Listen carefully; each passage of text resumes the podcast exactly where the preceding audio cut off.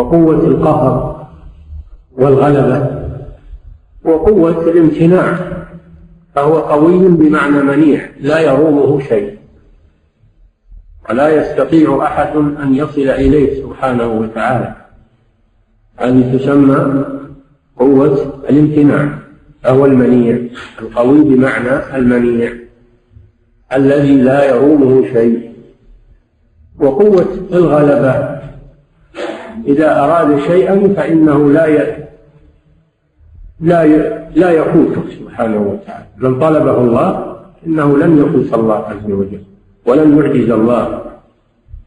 لن يعجز الله شيء إذا طلب لأنه قوي سبحانه وتعالى. لا يعجزه شيء فإذا طلب أحدا فإن أحدا لا يفوته سبحانه وتعالى. فهو الغالب قوة الغلبة. قوة الغلبة. فهذه معنى معاني القوة. قوة الذات وقوة الامتناع وقوة الغلبة. كلها ثابتة لله سبحانه وتعالى. نعم. وهو قضي له الله سبحانه جمعا فهذا رفض الأقوال وهو الغني بذاته فغناه لا حي له كالجود والإحسان. وهو الغني بذاته. وليس هو غنيا بمخلوقاته أو بأشياء. مثل الإنسان يكون غنيا بالأشياء التي والإمكانيات التي يحصل عليها والأموال. الإنسان ليس غنيا بذاته.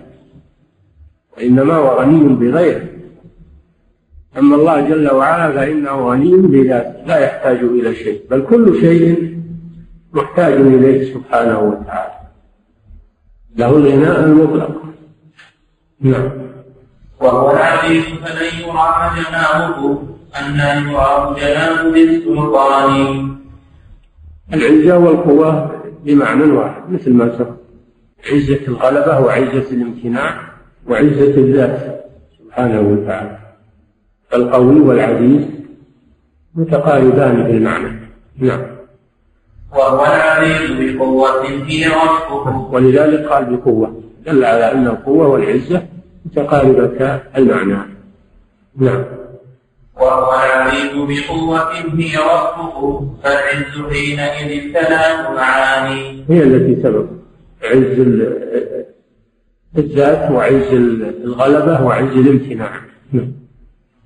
وهي التي تمت له سبحانه من كل وجه عالم النقصان وهو عزته وقوته كاملتان. لا يعتريهما نقص. أما المخلوق وهو وإن كان عنده شيء من القوة والعزة لكن هي عرضة للزوال وعرضة للعجز وعرضة للغلبة. أما من قوي إلا وهناك من هو أقوى منه وما من عزيز إلا وهناك من هو أعز منه. هذا في المخلوقات. نعم.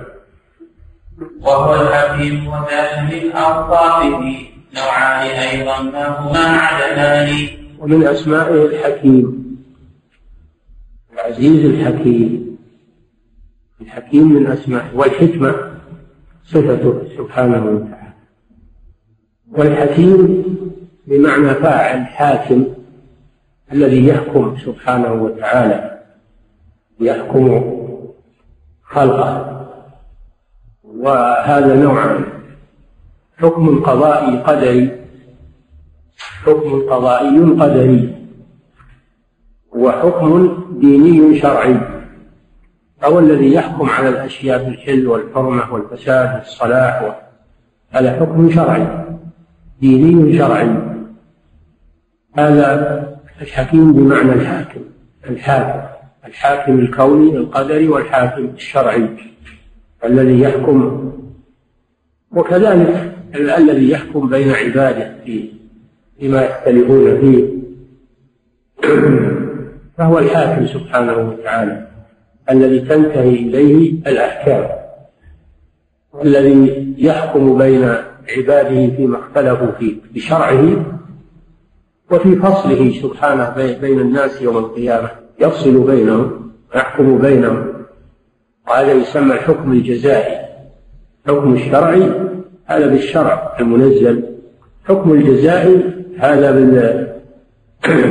بالفصل بين عباده يوم القيامة فيما كانوا فيه يختلفون.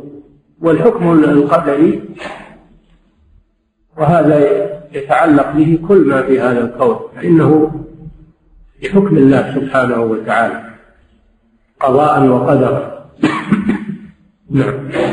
هذا الحاكم الحكيم بمعنى الحاكم. والنوع الثاني الحكيم بمعنى المحكم المحكم أي الذي أتقن الأشياء. فما فما من مخلوق إلا وقد أتقنه سبحانه وتعالى. صنع الله الذي أتقن كل شيء.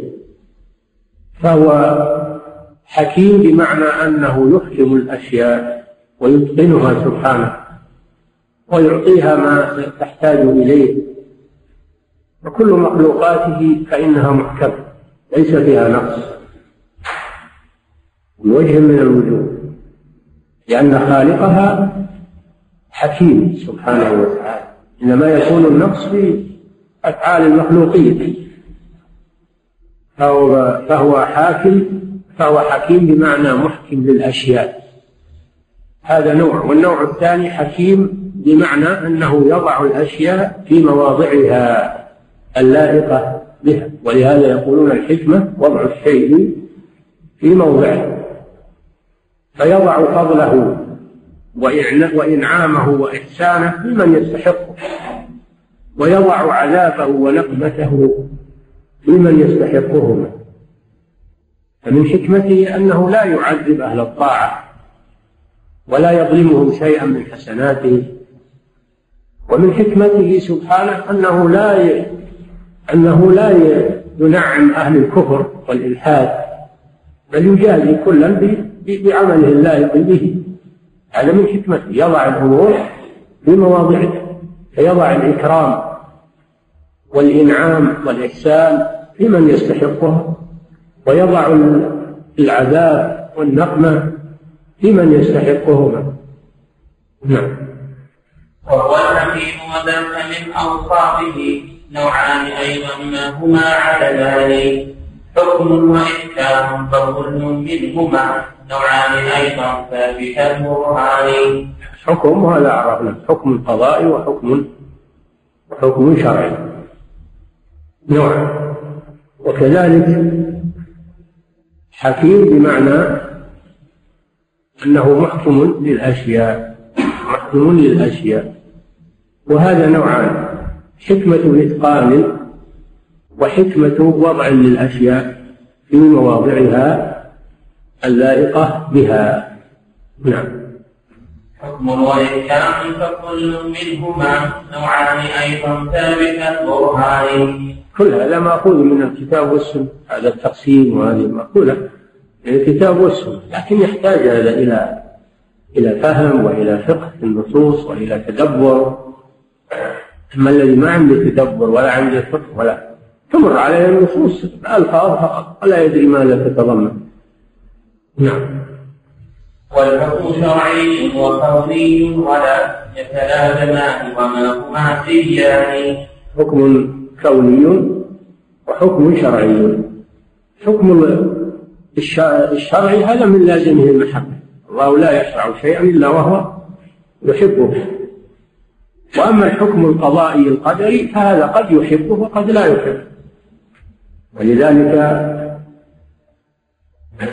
ولذلك فإنه سبحانه وتعالى آه، حكم بكفر الكافر وفسق الفاسق ومعصية العاصي هذا بقضائه وقدره وحكمه القدري بحكمة لكنه لا يحب الكفر ولا يحب الفسوق ولا العصيان وإنما أوجد هذه الأشياء لحكمة لحكمة بالغة.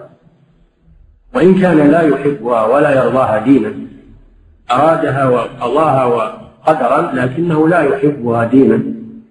نعم. والحكم شرعي وكوني ولا يتلازمان وما هما سيان. ما هما سيان. هناك فرق بين الحكم القضائي القدري والحكم الشرعي الديني نعم.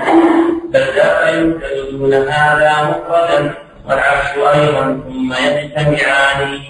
نعم قد يوجد الحكمان جميعا في طاعة المؤمن. طاعة المؤمن يجتمع فيها الحكمان القدري والشرعي وينفرد ينفرد الحكم القضائي في كفر الكافر. هذا حكم الله به كونا وقدرا لكنه لا يرضاه دينا ولا يحكم به شرعا. فينفرد القضاء في في كفر الكافر وفي المعاصي. وسائر المخالفات هذه حكم الله بها كونا لكنه لم يحكم بها شرعا. نعم.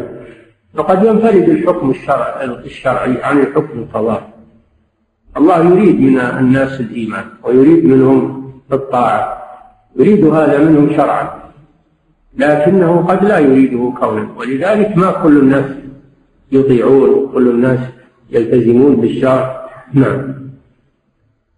يخلو أن من إحداهما أو منهما بل ليس ينتفيان. لابد في كل المخلوقين من من الحكم القضائي أو الحكم الشرعي أو هما جميعا. نعم. لكنما الشرعي محبوب له أبدا ولن يخلو من الأقوال. وأمره الدين جاء رسله بقيامه في سائر الأزمان. نعم لكنما الكوني فهو قضاؤه في خلقه للعدل والإحسان. نعم هو كل حق وعدل ذو رضا والشأن في الماضي كل الثاني. من ناحية القضاء والقدر هذا محمود من الله جل وعلا.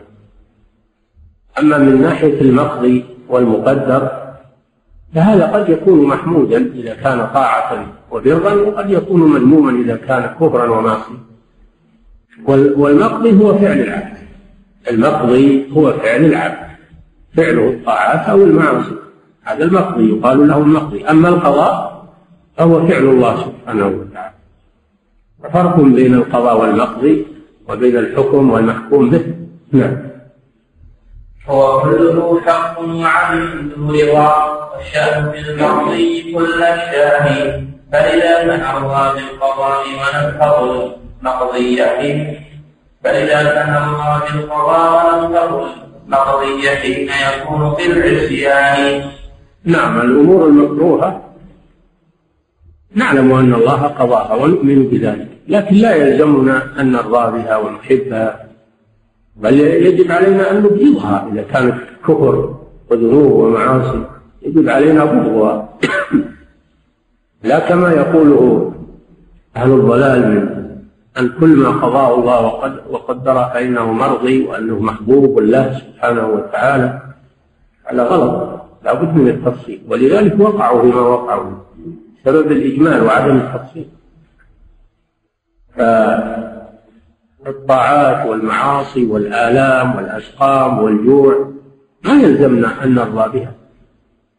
بل, بل نعمل على زوالها نطلب الرزق ونطلب أن تعالج.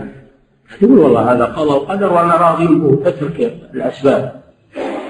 عليك أن تعالج القضاء بالقضاء والقدر بالقدر؟ كما قال عمر رضي الله عنه نفر من قضاء الله نفر من قدر الله إلى قدر الله. ليس معناه أنك تترك الأسباب النافعة وتستسلم للمرض وتستسلم للجوع وتستسلم لأذى الكفار وتسلطهم عليك تقول هذا قضاء وقدر. هذا ما يجوز. ولا يقول به مؤمن. بل تعالج القضاء بالقضاء والقدر بالقدر. وأما الشرعي فنرضى لأنه خير. الشرعي القضاء الشرعي نرضى به لأنه خير. ونعمة من الله سبحانه وتعالى. نعم. فالله بأمر بالقضاء ويحفظ مقضيا الأمران متحدان نعم. فقضاء صفة به قامت وما مقضي إلا صنعة الإنسان. هذا.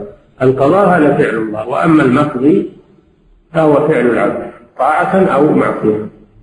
ولذلك يثاب على الطاعة ويعاقب على المعصية. لأن هذه أفعاله هو باختياره ومشيئته وإرادته. نعم. والكون محبوب ومخلوق له وكلاهما بمشيئة الرحمن. الكون فيه شيء محبوب وشيء مرغوب وفيه شيء مذموم ومكروه ومبغض. لكن بالنسبة إلى الله كل كل أفعاله فهو محمود فهي محمودة بالنسبة إليه سبحانه وتعالى. لكن بالنسبة للخلق منها ما هو محمود ومنها ما هو مذموم نعم. هذا البيان يبين لبسا طالما حدثت عليه الناس كل زمان. هذا البيان للقضاء والقدر والحكم والتفصيل في ذلك. هذا بيان يزيل الإشكالات ويرسخ الإيمان في قلب المؤمن ويسلم من الضلال الذي وقعت فيه الفرق التي لم تميز. التي لم تميز. بين هذه الأمور وتفصل فيها لعدم فقههم وإدراكهم وتدبرهم لكتاب الله وسنة رسوله أو اعتمادهم على اعتمادهم على قول فلان وفلان من أشياخهم وساداتهم. تقليد أعمى. هذا هو الذي أوقعهم في الضلال. نعم. هذا البيان يزيل نفسا طالما هلكت عليه الناس كل زمان ويحل ما قد عقلوا يحل ويحمل ما قد عقلوا بأصولهم وبحوثهم فافهم فهم بياني. إذا فهمت هذا وأتقنته فإنك تدرك أخطاءهم. إذا قرأت كتبهم وتأصيلاتهم وتقعيداتهم عرفت أنها خطأ.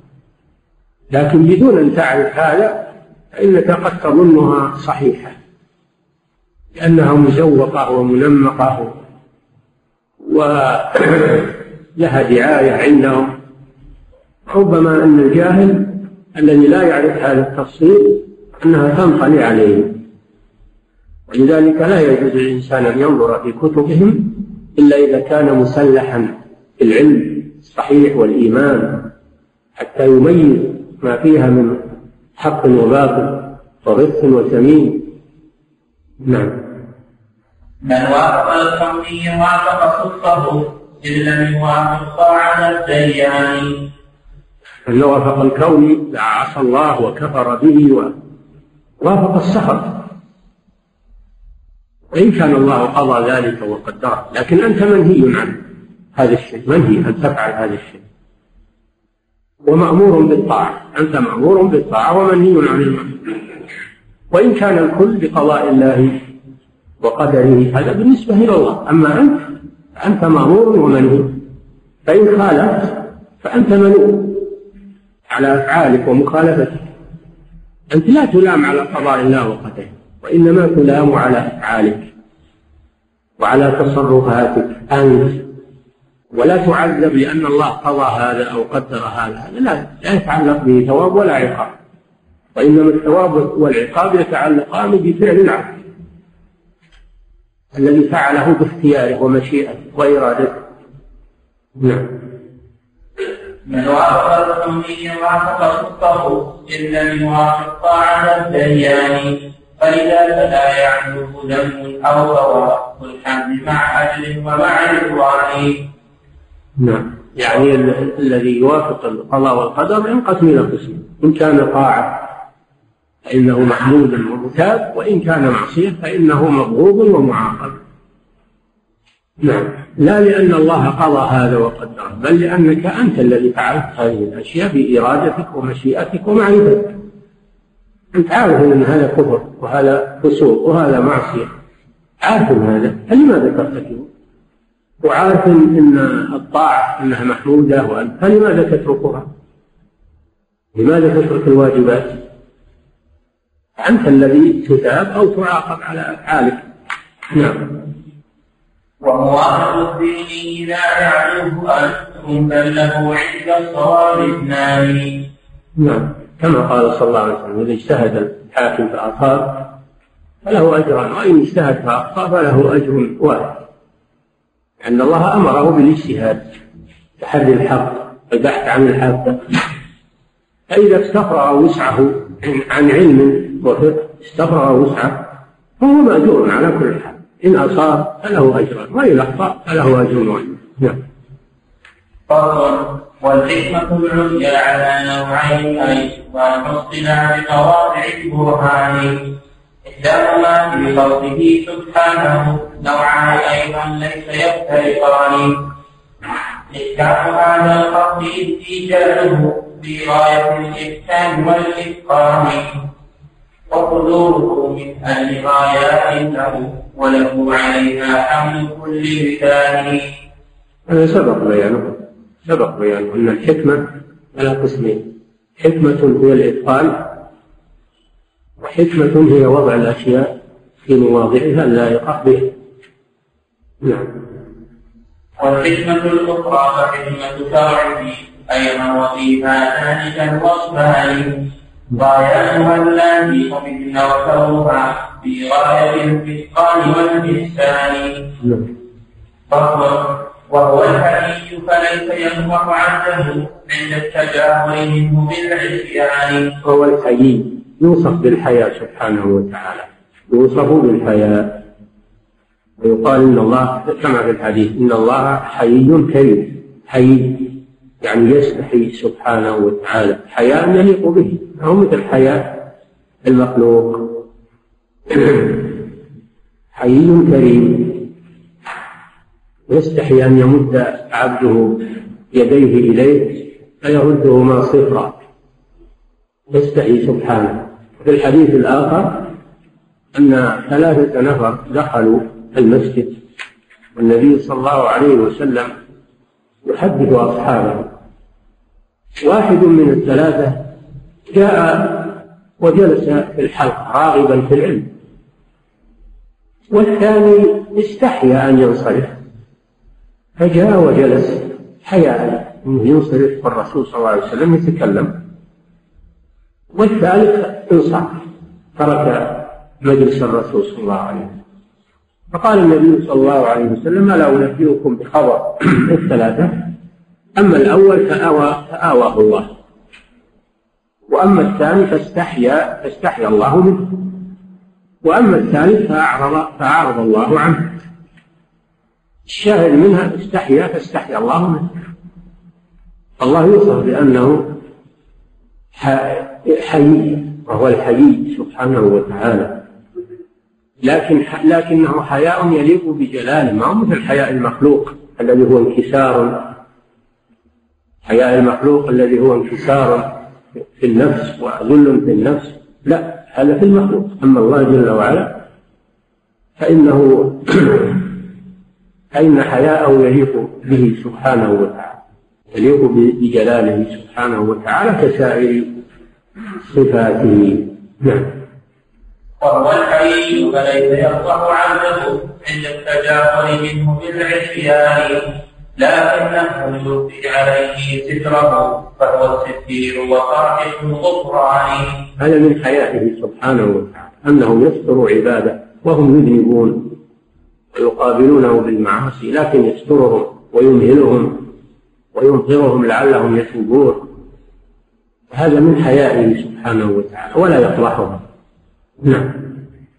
وهو الحليم فلا يعاجل عبده بعقوبة ليتوب من عصيانه. كذلك من أسمائه الحليم والحلم صفته سبحانه.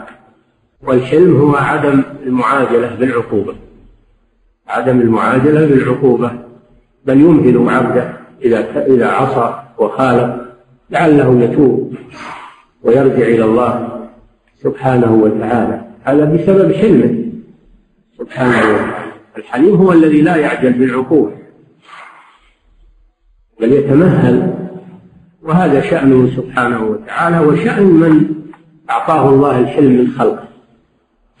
من الملوك والرؤساء والناس إذا عطوا اعطوا الحلم فهذه خصلة عظيمة. خصلة عظيمة. يمتازون بها على غيرهم وهو عدم العجلة. وضد الحلم الجهل. الجهل هذا ضد الحلم. ألا لا يجهل أحد علينا؟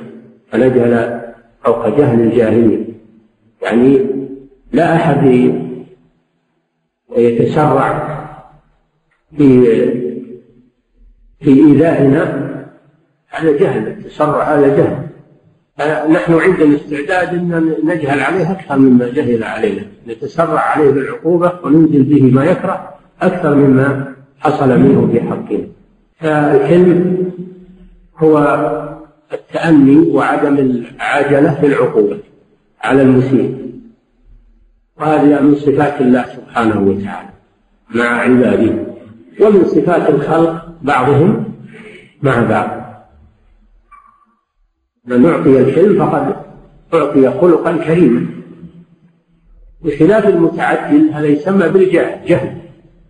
الجهل على قسمين جهل بمعنى عدم العلم وهذا ليس هو المراد وجهل بمعنى عدم الحلم وهذا هو المراد.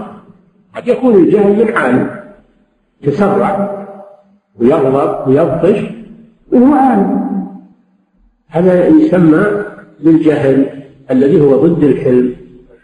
ومنه قوله تعالى إنما التوبة على الله للذين يعملون السوء بجهالة. ما هو جهالة يعني عدم علم؟ لأن الجاهل معفون عنه. ولكن المراد بالجهالة هنا عدم الحلم. نعم. والتسرع. نعم. والعفو فعفوه وجعل المرأة لولا مرار الأرض بالسكان. وهو العفو الذي يعفو. عن عباده ويتوب عليهم.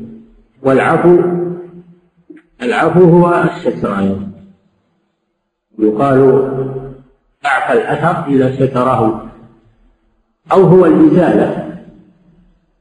عفت الديار يعني زالت آثارها. إزالة. سمي عفوا لأن الله يزيل عن العاصي معصيته ويتوب عليه ويمحوها عنه. نعم. ولولا ولولا عفو الله جل وعلا لهلك العالم في لحظة واحدة لولا عفو الله وحلمه سبحانه وتعالى لهلك العالم كله في لحظة واحدة ولو يؤاخذ الله الناس بما كسبوا ما ترك على ظهرها من دابة. ولكن يؤخرهم إلى أجل مسمى. فإذا جاء أجلهم إن الله كان بعباده بصيرا. ولو يؤاخذ الله الناس بما كسبوا ما ترك عليها من دابة ولكن يؤخرهم إلى أجل مسمى فإذا جاء أجلهم لا يستأخرون ساعة ولا يستقدمون. وما أصابكم من مصيبة فبما كسبت أيديكم ويعفو عن كثير. يعفو عن كثير. لو آخذكم بما كل ما تعملون لما مشيتم على وجه الأرض. ولا لحظة واحدة. نعم. فهذا من عفوه سبحانه وتعالى وحلمه. نعم. وصبروا على أذى أعدائه شتموه بل نسبوه للبهتان. هذا أيضا يشبه العفو الصبور والعفو. كلها متقاربة أسماء متقاربة المعنى. والحليم الحليم والصبور والعفو هذه متقاربة المعنى. متقاربة المعنى فهو يصبر على ما يصدر من عباده من الأذى في حقه سبحانه وتعالى يؤذون ويسبونه ويكفرون به وينسبون إليه الولد والبنات ينسبون إليه الزوجة إلى غير ذلك من النقائص وهو يصبر ولا يعاقبهم يعادلهم بالعقوبة بل يرزقهم ويعطيهم ويصح أبدانهم مع أنهم يؤذونه سبحانه ويسبونه وينسبون إليه ما لا يليق به. هذا من صبره على عباده سبحانه فهو الصبور المبالغ في الصبر. نعم. ووصفوه على أذى أعدائه شتموه بل نسبوه للبهتان. نعم. قالوا له ولم وليس يعيننا شتما وتوهينا من الإنسان. قالوا له ولد. نسبوا إليه الولد. كما نسبت النصارى المسيح لأنه ابن الله واليهود عزير لأنه ابن الله. والمشركون نسبوا إليه البنات جعلوا الملائكة بنات بنات الله جل وعلا. ونسبوا له الزوجة جعلوا له آه، من عباده جزءا يعني ولدا. وجعلوا بينه وبين الجنة نسبا. قالوا إن الله ناسب الجن وتزوج من الجن. إلى غير ذلك. قالوا إن الله فقير ونحن أغنياء. وقالوا إن يد الله مغلولة يعني أنه بخيل. يد الله مغلولة بمعنى أنه بخيل. إلى غير ذلك من أقوالهم الشنيعة والمشركون أنكروا البعث قالوا إن الله لا يبعث العباد وكذبوا بآياته وكذبوا رسله الذين جاءوا بإثبات البعث. كل ذلك صدر من العباد ومع هذا فالله جل وعلا لا يعجل عليهم بل يمهلهم ويمدهم بالأرزاق والغذاء والصحة فمن تاب قبله ومن لم يتب فإن الحساب أمامه. نعم. قال له وليس يعيدنا شتما وتبديلا من الإنسان. وليس يعيدنا هذا إنكار البعث كما ذكر الله في القرآن أإذا كنا عظاما نخرة؟ قالوا تلك إذا كرة خاسرة أإذا كنا عظاما ورفاتا أئنا لمبعوثون خلقا جديدا؟ قال من يحيي العظام وهي رميم إلى غير ذلك من اعتراضاته. كأنهم يعجزون الله سبحانه وتعالى. يعجزون الله جل وعلا. نعم.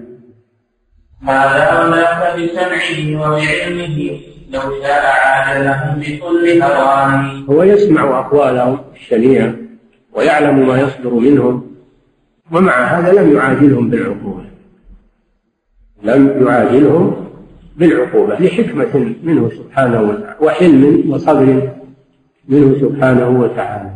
وهو يسمع ما يقولون ويعلم ما يقولون ومع هذا لا يعاجلهم بالعقوبة. نعم. لكن يعافيهم وينصرهم وهم يؤذونه بالشرك والكفران نعم. وهو الرقيب على الحواضر والنوافذ كيف بالأفعال بالأركان. نعم. هو الرقيب سبحانه وتعالى. إن الله كان على كل شيء رقيبا يعني يراقب عباده ويراهم ويسمعهم ولا يخفون عليه بل لا تخفى عليه ضمائرهم ونياتهم التي في صدورهم. يعلم ما يسرون وما يعلنون. لا يخفى عليه شيء من امورهم فهو يراقبهم ولا تحسبن الله غافلا عما يعمل الظالمون. لا يخفون على الله سبحانه. إن الذين يلحدون في آياتنا لا يخفون عليه. فلا يحسب الكافر والمجرم أنه لا يدرى عن أفعاله. وأن الله لا يطلع على أفعاله. بل هو مطلع عليه في كل تحركاته وسكناته ونياته وأسراره. الله مطلع عليه ويراقبه فعليه أن يخاف من الله سبحانه وتعالى. إذا علمت أنك مراقب فإنك تخاف وتكف عن عن المعصية أما إذا نسيت أنك مراقب فإنك تفعل ما تشاء. وهذا في الخلق تعالى الله. هذا في الخلق ولله المثل الأعلى. الإنسان اللي يشوف الناس يناظرونه أو يخاف أنهم يناظرونه يكف عن أشياء يكف عن أشياء إما من باب الحياء وإما من باب الخوف. مثلا لك الطريق مراقب بالرادار ما تسمع. تخاف إنك لو تسرع أو يحصل منك أي مخالفة إنهم يسجلونها عليك ويمسكون في تصرفات العباد مع أنهم يقتلون ومع أنهم يدخلهم أيضا الظلم ويدخلهم التساهل. لكن الله جل وعلا لا تخفى عليه أينما كنت. العباد أيضا تخفى عليه إذا ابعدت عنهم ما يرونك إذا صرت في منزل ما يشوفونك إذا تغطيت بشيء ما يدرون شيء ولا يدرون اللي بنفسك ولا وش اللي بخاطرك يجهلون أشياء كثيرة من شؤونك ومع هذا تخاف منهم هذا الخوف وتداريهم هذه المداراة فكيف بالخالق الذي لا يخفى عليه شيء من أمرك؟ أينما كنت؟ كيف لا تستحضر هذا المعنى مع الله سبحانه وتعالى؟ ولهذا يقول صلى الله عليه وسلم لما لما سأل جبريل لما سأله جبريل لما سأل جبريل رسول الله صلى الله عليه وسلم قال أخبرني عن الإحسان. قال الإحسان أن تعبد الله كأنك تراه. فإن لم تكن تراه فإنه يراك. واستحضر أن الله يراك جل وعلا. نعم. وهو الحفيظ عليهم وهو الكفيل بحفظهم من كل أمر عالي الحفيظ الذي يحفظ عليهم أعمالهم. يحفظ عليهم أعمالهم ويحصيها عليهم ويحاسبهم عليها. وقد وكل بذلك ملائكة يكتبون هم الحفظة يكتبون أعمال العباد ويسجلونها عليهم وهو يعلمها سبحانه وتعالى. ولكن هذا من أجل قطع معاذير الخلق إذا كتبت عليهم وسجلت في وقت كذا في يوم كذا في ساعة كذا. ما يمكن يمكن هذا الشيء. وضع الكتاب وترى المجرمين مشفقين مما فيه. الكتاب الذي سجلته الحفظة. ويقولون يا ويلتنا ما لهذا الكتاب؟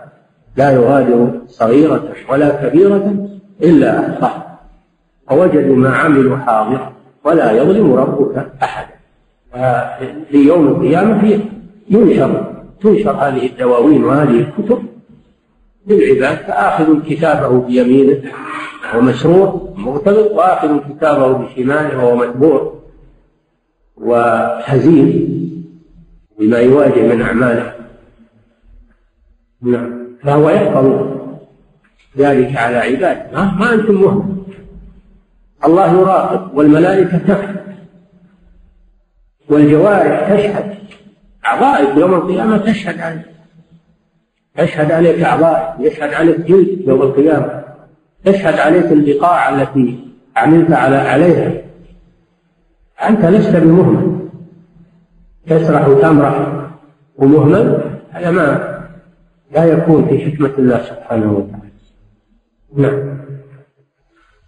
وهو اللطيف بعبده ولعبده واللطف في أوصافه نوعان. إدراك أسرار الأمور بخبرته واللطف عند مواقع الإحسان نعم اللطيف على نوعين اللطيف من أسماء الله سبحانه وتعالى. هو اللطيف الخبير.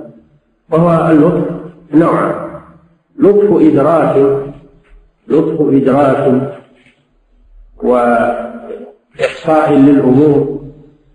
فهو اللطيف بمعنى الذي يدرك أعمال عباده من حيث لا يشعرون. والنوع الثاني من أنواع اللطف اللطف بهم اللطف بعباده برحمتهم ورأفته بهم ويلطف بهم وينعم عليهم. هذا من لطف الله سبحانه وتعالى. نعم. ألا يعلم من خلق وهو اللطيف الخبير؟ اللطيف الذي لا يخفى عليه شيء سبحانه وتعالى. كما في قوله قوله صلى الله عليه وسلم وأنت آه، وأنت الباطن فليس دونك شيء. فهو لطيف في علمه ومراقبته ومن حيث لا يدري العبد. نعم.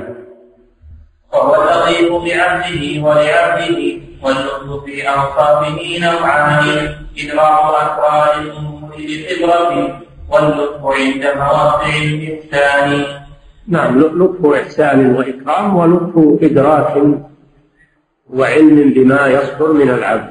من حيث لا يشعر. من حيث أن العبد لا يشعر بذلك. ويظن أنه, أنه ما يرى أحد. ولكن الله جل وعلا يراه. يراه ويعلم ما يصدر منه أينما كان. هذا هو اللطف وهو إدراك الشيء بخفيه إدراك الشيء بخفاء لا يشعر به الإنسان. يقول هذا الشيء اللطيف يعني دقيق. نعم. فيريك علته ويخزي لطه والعبد في الغفلات عند الشان يريك عزته قدرته عليك وأنه جل وعلا قادر على أن يعاقبك. وقد يريقك شيئا من من الألم ومن العقوبة من أجل أن تتوب إليه سبحانه وتعالى. ظهر الفساد في البر والبحر بما كسبت أيدي الناس. ليذيقهم بعض الذي عملوا لعلهم يرجعون. فإذا تبت إليه فإن فإنه سبحانه وتعالى يبدي لطفه بك فيقبل توبتك ويغفر زلتك ويمحو ما كان منك. هذا من لطفه سبحانه بعباده. يريك عزته ثم يبدي لطفه. نعم. فصل وهو الرفيق يحب أهل الرفق بل يعطيهم بالرفق فوق اماني ولهذا يقول صلى الله عليه وسلم إن الله رفيق يحب الرفق. رفيق يحب الرفق. والرفق هو خصلة حميدة ضد الطيش وضد الشدة والعنف. الرفق ضد هذه هذه الأمور. وهو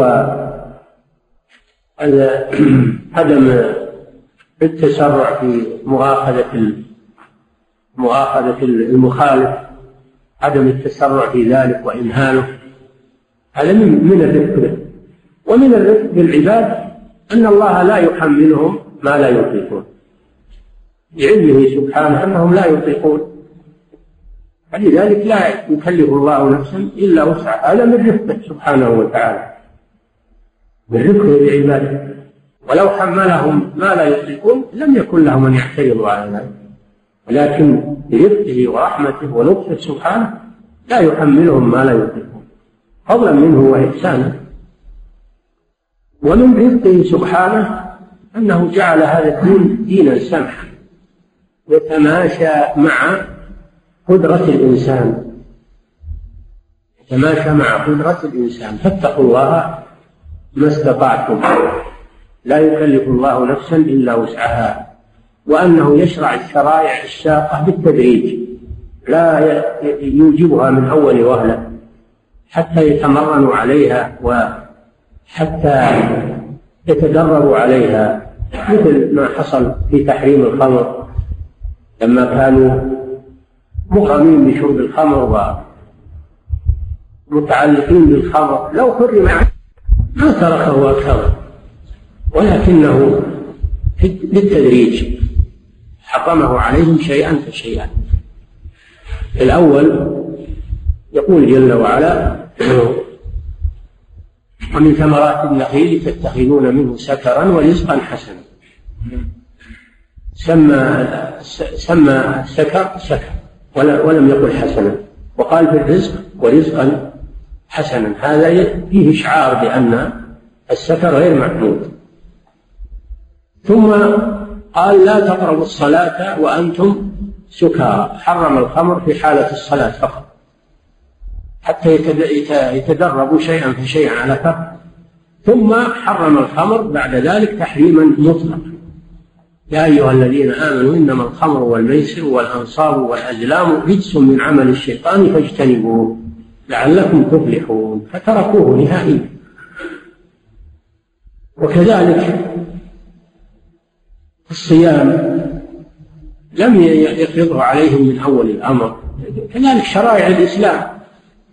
أولا كان الرسول صلى الله عليه وسلم يدعو إلى التوحيد وإلى إصلاح العقيدة.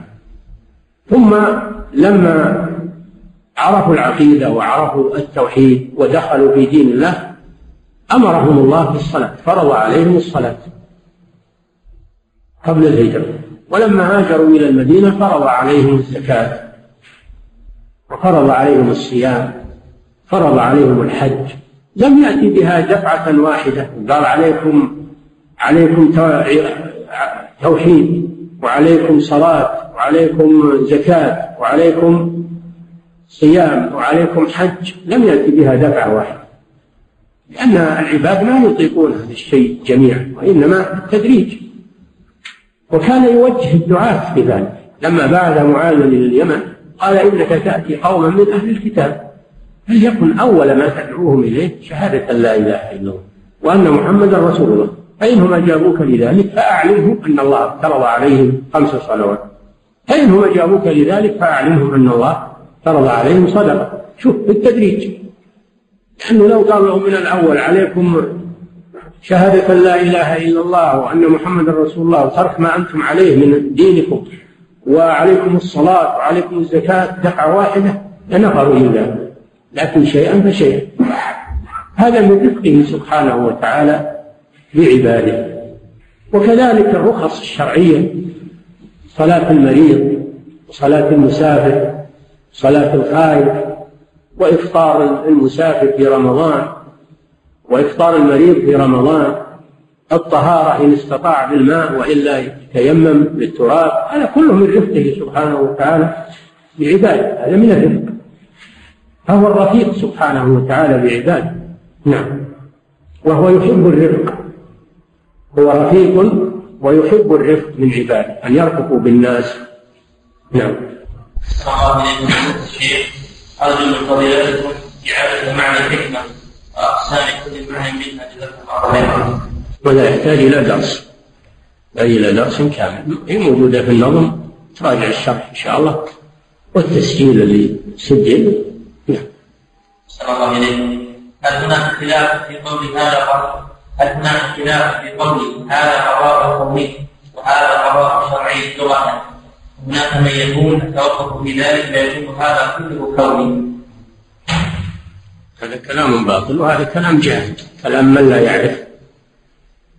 كلام من لا يعرف التفاصيل ولا يعرف الأدلة ولا يعتبر هذا الكلام. بل هناك قضاء كوني وهناك قضاء شرعي وهناك حكم كوني وحكم شرعي وحكم جزائي لم أقول من الكتاب والسنة. نعم. صلى الله إليكم. فسر اللطف بأنه هو الذي لطيف. فسر اللطيف بأنه هو الذي لطف عن أن يدرك بالكيفية. هل هذا التفسير صحيح؟ لا. اللطيف الذي يدرك الأشياء ويعلمها سبحانه والناس لا يعلمون ذلك. هذا هو اللطيف. بلطف يعني بخفاء. بخفاء لا يشعرون به. أما الذي لطف بحيث أنه ما يرى كما يقولون يعني اللطيف هو الذي لا يرى هذا كلام باطل. نعم. أحسن الله إليكم. ما أفضل شرح من الشروط المطبوعة في القصيدة النونية وأيهما أفضل شرح؟ الشيخ محمد فراس أو الشيخ أحمد بن عيسى؟ كلها. كلها طيبة ولا يغني بعضها عن بعض. والثالث تعليق الشيخ عبد الرحمن بن سعدي رحمه الله عليها أيضا طيب إيه يعني معنى المجمل. كلها ما يغني بعضها عن بعض. والحقيقة أنها ما شرحت النونية الشرح المطلوب والشرح الوافي ما شرحت إلى الآن. لكن هذه محاولات. محاولات وتقريب جزاهم الله خير. قاموا بواجب عظيم قربوها و... لكن الشرح المناسب لها والوافي هذا ما شرحت الآن نعم. الشيخ عبد اللطيف. مقدمة. الشيخ عبد اللطيف كتب مقدمة. ما ما دخل في الموضوع إنما هي مقدمة فقط. نعم. ما رأيكم حفظكم الله بهاتين العبارتين. لا يفهم من معاني أسماء الله ما يفهم من معاني أسماء وصفات الإنسان. والعبارة الأخرى لا يطلق على صفات الله بأنها نعوت له. لأن المعنى لا يكون إلا للمجسم الكلام الثاني باطل هذا بل هي نعوت له سبحانه وتعالى. هي نعوت وهي صفات له سبحانه وتعالى. والنعت معناه الصف والوصف. أما المعنى الأول فنعم. لا يفهم من صفات الخالق ما يوصف ما يفهم من صفات المخلوقين لوجود الفرق بينها. لله صفات تخصه وللمخلوقين. صفات تخصهم وتتناسب معهم. نعم. عنه يقولون ثلاث من المستحيلات كسب الاشعري وقبرة النظام وأحوال ابي هاشم فما معنى هذه الثلاث؟ كسب الأشعري هذا في باب أفعال العباد. يقول إنها ليست افعالا لهم وإنما هي كسب لهم. ما الفرق بين الكسب والفعل هذا لا يعقل له فرق ولا. لذلك كان من من الأمور التي لا معنى له هذا التفريق. وأما طهرة النظام وهو من أئمة المعتزلة والحال عند الهاشمي أبي هاشم من الرافضة هذه أمور لا لا لا أعرفها الآن لأنها من اصطلاحات المتكلمين والفلاسفة. نعم. الله إليك ولكن لا تتعب نفسك فيها ما فيها فائدة. لا تتعب نفسك فيها لأنها ما فيها فائدة. نعم. أحسن الله إليك قال وهل تسكن الأشاعرة عند يعد من قول الجبرية أو القدرية لا يعد من هذا ولا من هذا. بل يعد قولا مبتكرا. هو يقارب ما قول أهل السنة إنها أفعالهم لكن ما عبر بأنها أفعالهم قال هي كسبهم لا هناك فرق بين الكسب وبين الفعل. لا هو هو قريب من مذهب أهل السنة. هو من الجهمية ولا هو من المعتزلة. نعم. أحسن الله إليكم قوله صلى الله عليه وسلم الإحسان أن تعبد الله كأنك تراه. فما معنى قوله كأنك تراه هل هل هل المراد تصور ذاته أم صفاته أم ماذا وفقكم الله؟ كأنك تراه. ما يفسر بأكثر من هذا. تعبد الله كأنك ترى الله سبحانه وتعالى تراه بقلبك لا بعينيك. هذا معنى المراقبة معنى المراقبة. كأن واحدا ينظر إليك ويشاهدك بل يعلم ما في نفسك. نعم. أحسن الله إليكم. فضيلة الشيخ ينتشر عند بعض الكتاب قولهم شاء إرادة الله أو شاء قدرة الله فهل هذا استعمال صحيح شرعا؟ لا ما هو صحيح. المشيئة والإرادة لا ينسب لهما شيء وإنما ينسب إلى الله جل وعلا. أراد الله شاء الله كذا وكذا.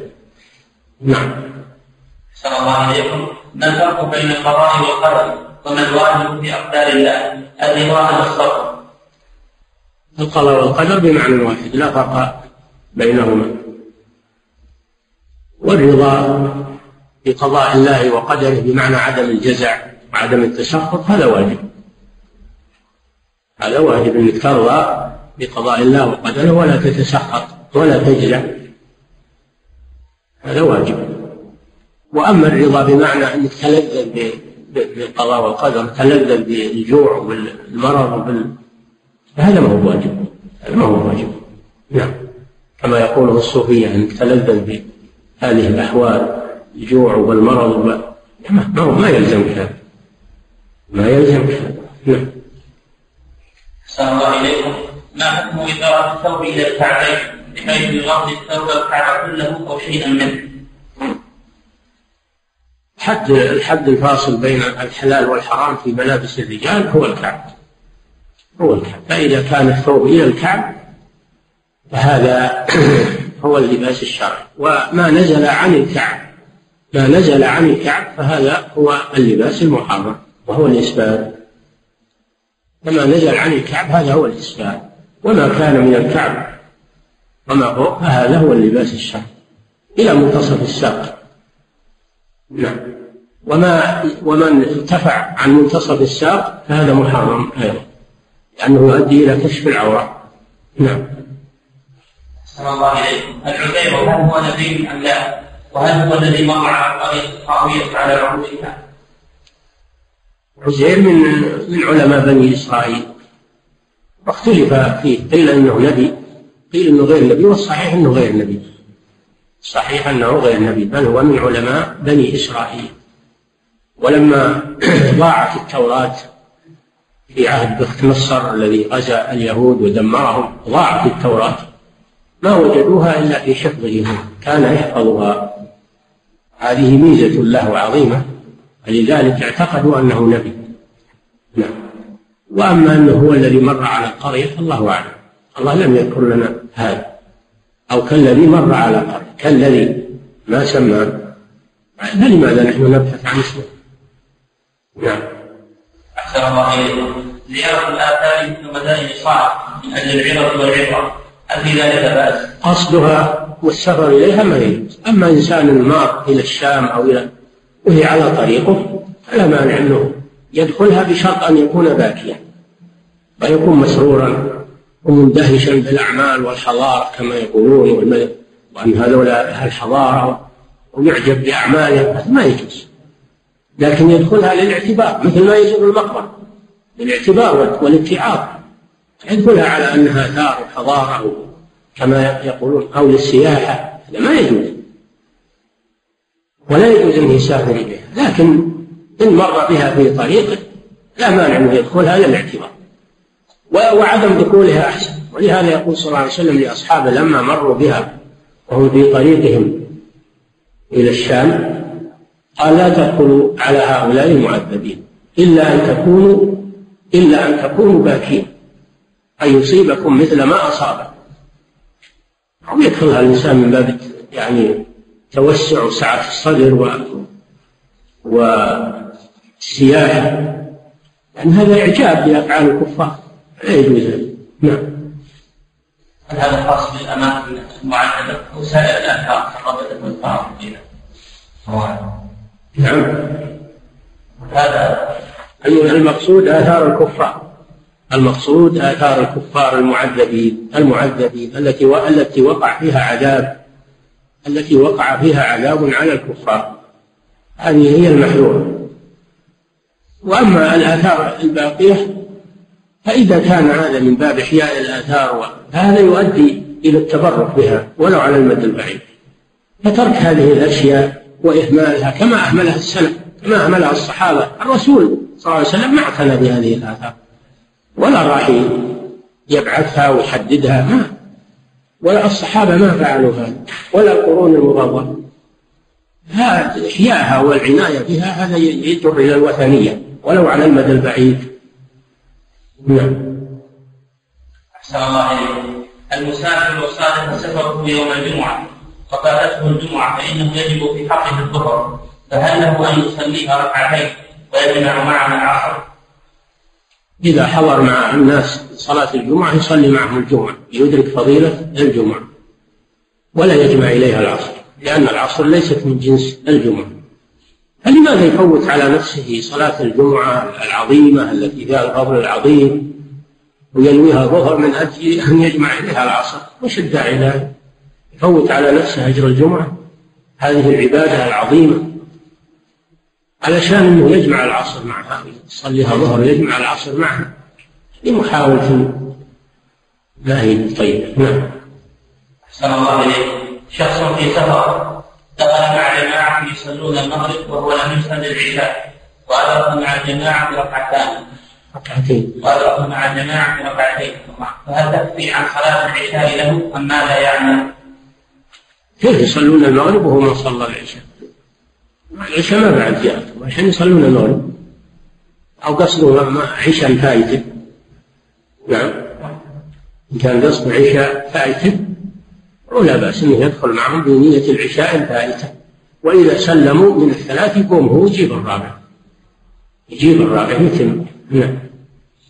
أحسن الله إليك هل في السن هل الكبير في السن أن يتيمم إذا كان ساعة يعلم وساعة يحدث من أشياء غير محددة؟ هل هل الكبير في السن أن يتيمم إذا كان ساعة إذا كان ساعة يعلم وساعة يحدث من أشياء غير محددة؟ التيمم لا يجوز إلا في حالتين. الحالة الأولى عدم وجود الماء. عدم وجود الماء. هذا للمريض وللصحيح. الذي لا يجد ماء يتيمم ألم تجدوا ماء؟ فتيمموا الحالة الثانية إذا كان لا عنده الماء لكن ما يستطيع استعماله لمرض أو لأن هذا الماء يحتاجه لشربه وطبخه وسقي دوابه ولو توضأ منه لا ضيق عليه قلة الماء فهذا يتيمم ويوفر الماء لحاجته يوفر الماء لحاجته أما إنسان عنده القدرة على الماء ويقدر الماء موجود ويقدر على استعماله والماء كثير يتسع لحاجته ولوضوءه هذا يجب عليه استعمال الماء ولا يصح منه التيمم. نعم. صلى الله عليكم حدثت العام الماضي مع عدة حملات ومع أهلي ودفعنا من مزدلفة قبل مغيب القمر وبعد منتصف الليل ورأينا الجبل قبل الفجر. هل علينا ذلك؟ لا. ما دام بعد منتصف الليل الحمد لله. حصل المقصود. نعم. أحسن الله إليكم. هل لمن دخل الحرم المكي أن يصلي ركعتين تحية المسجد بدلا من الطواف؟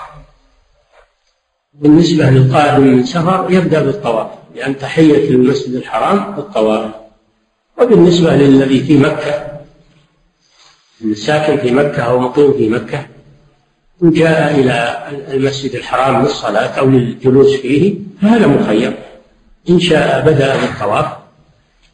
وإن شاء صلى ركعتين وجلس لقراءة القرآن أو لحضور دروس العلم أو غير ذلك مخير.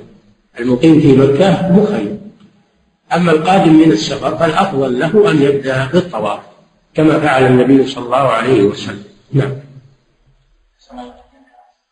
الله تعالى أعلم صلى الله وسلم على نبينا محمد وعلى آله وصحبه.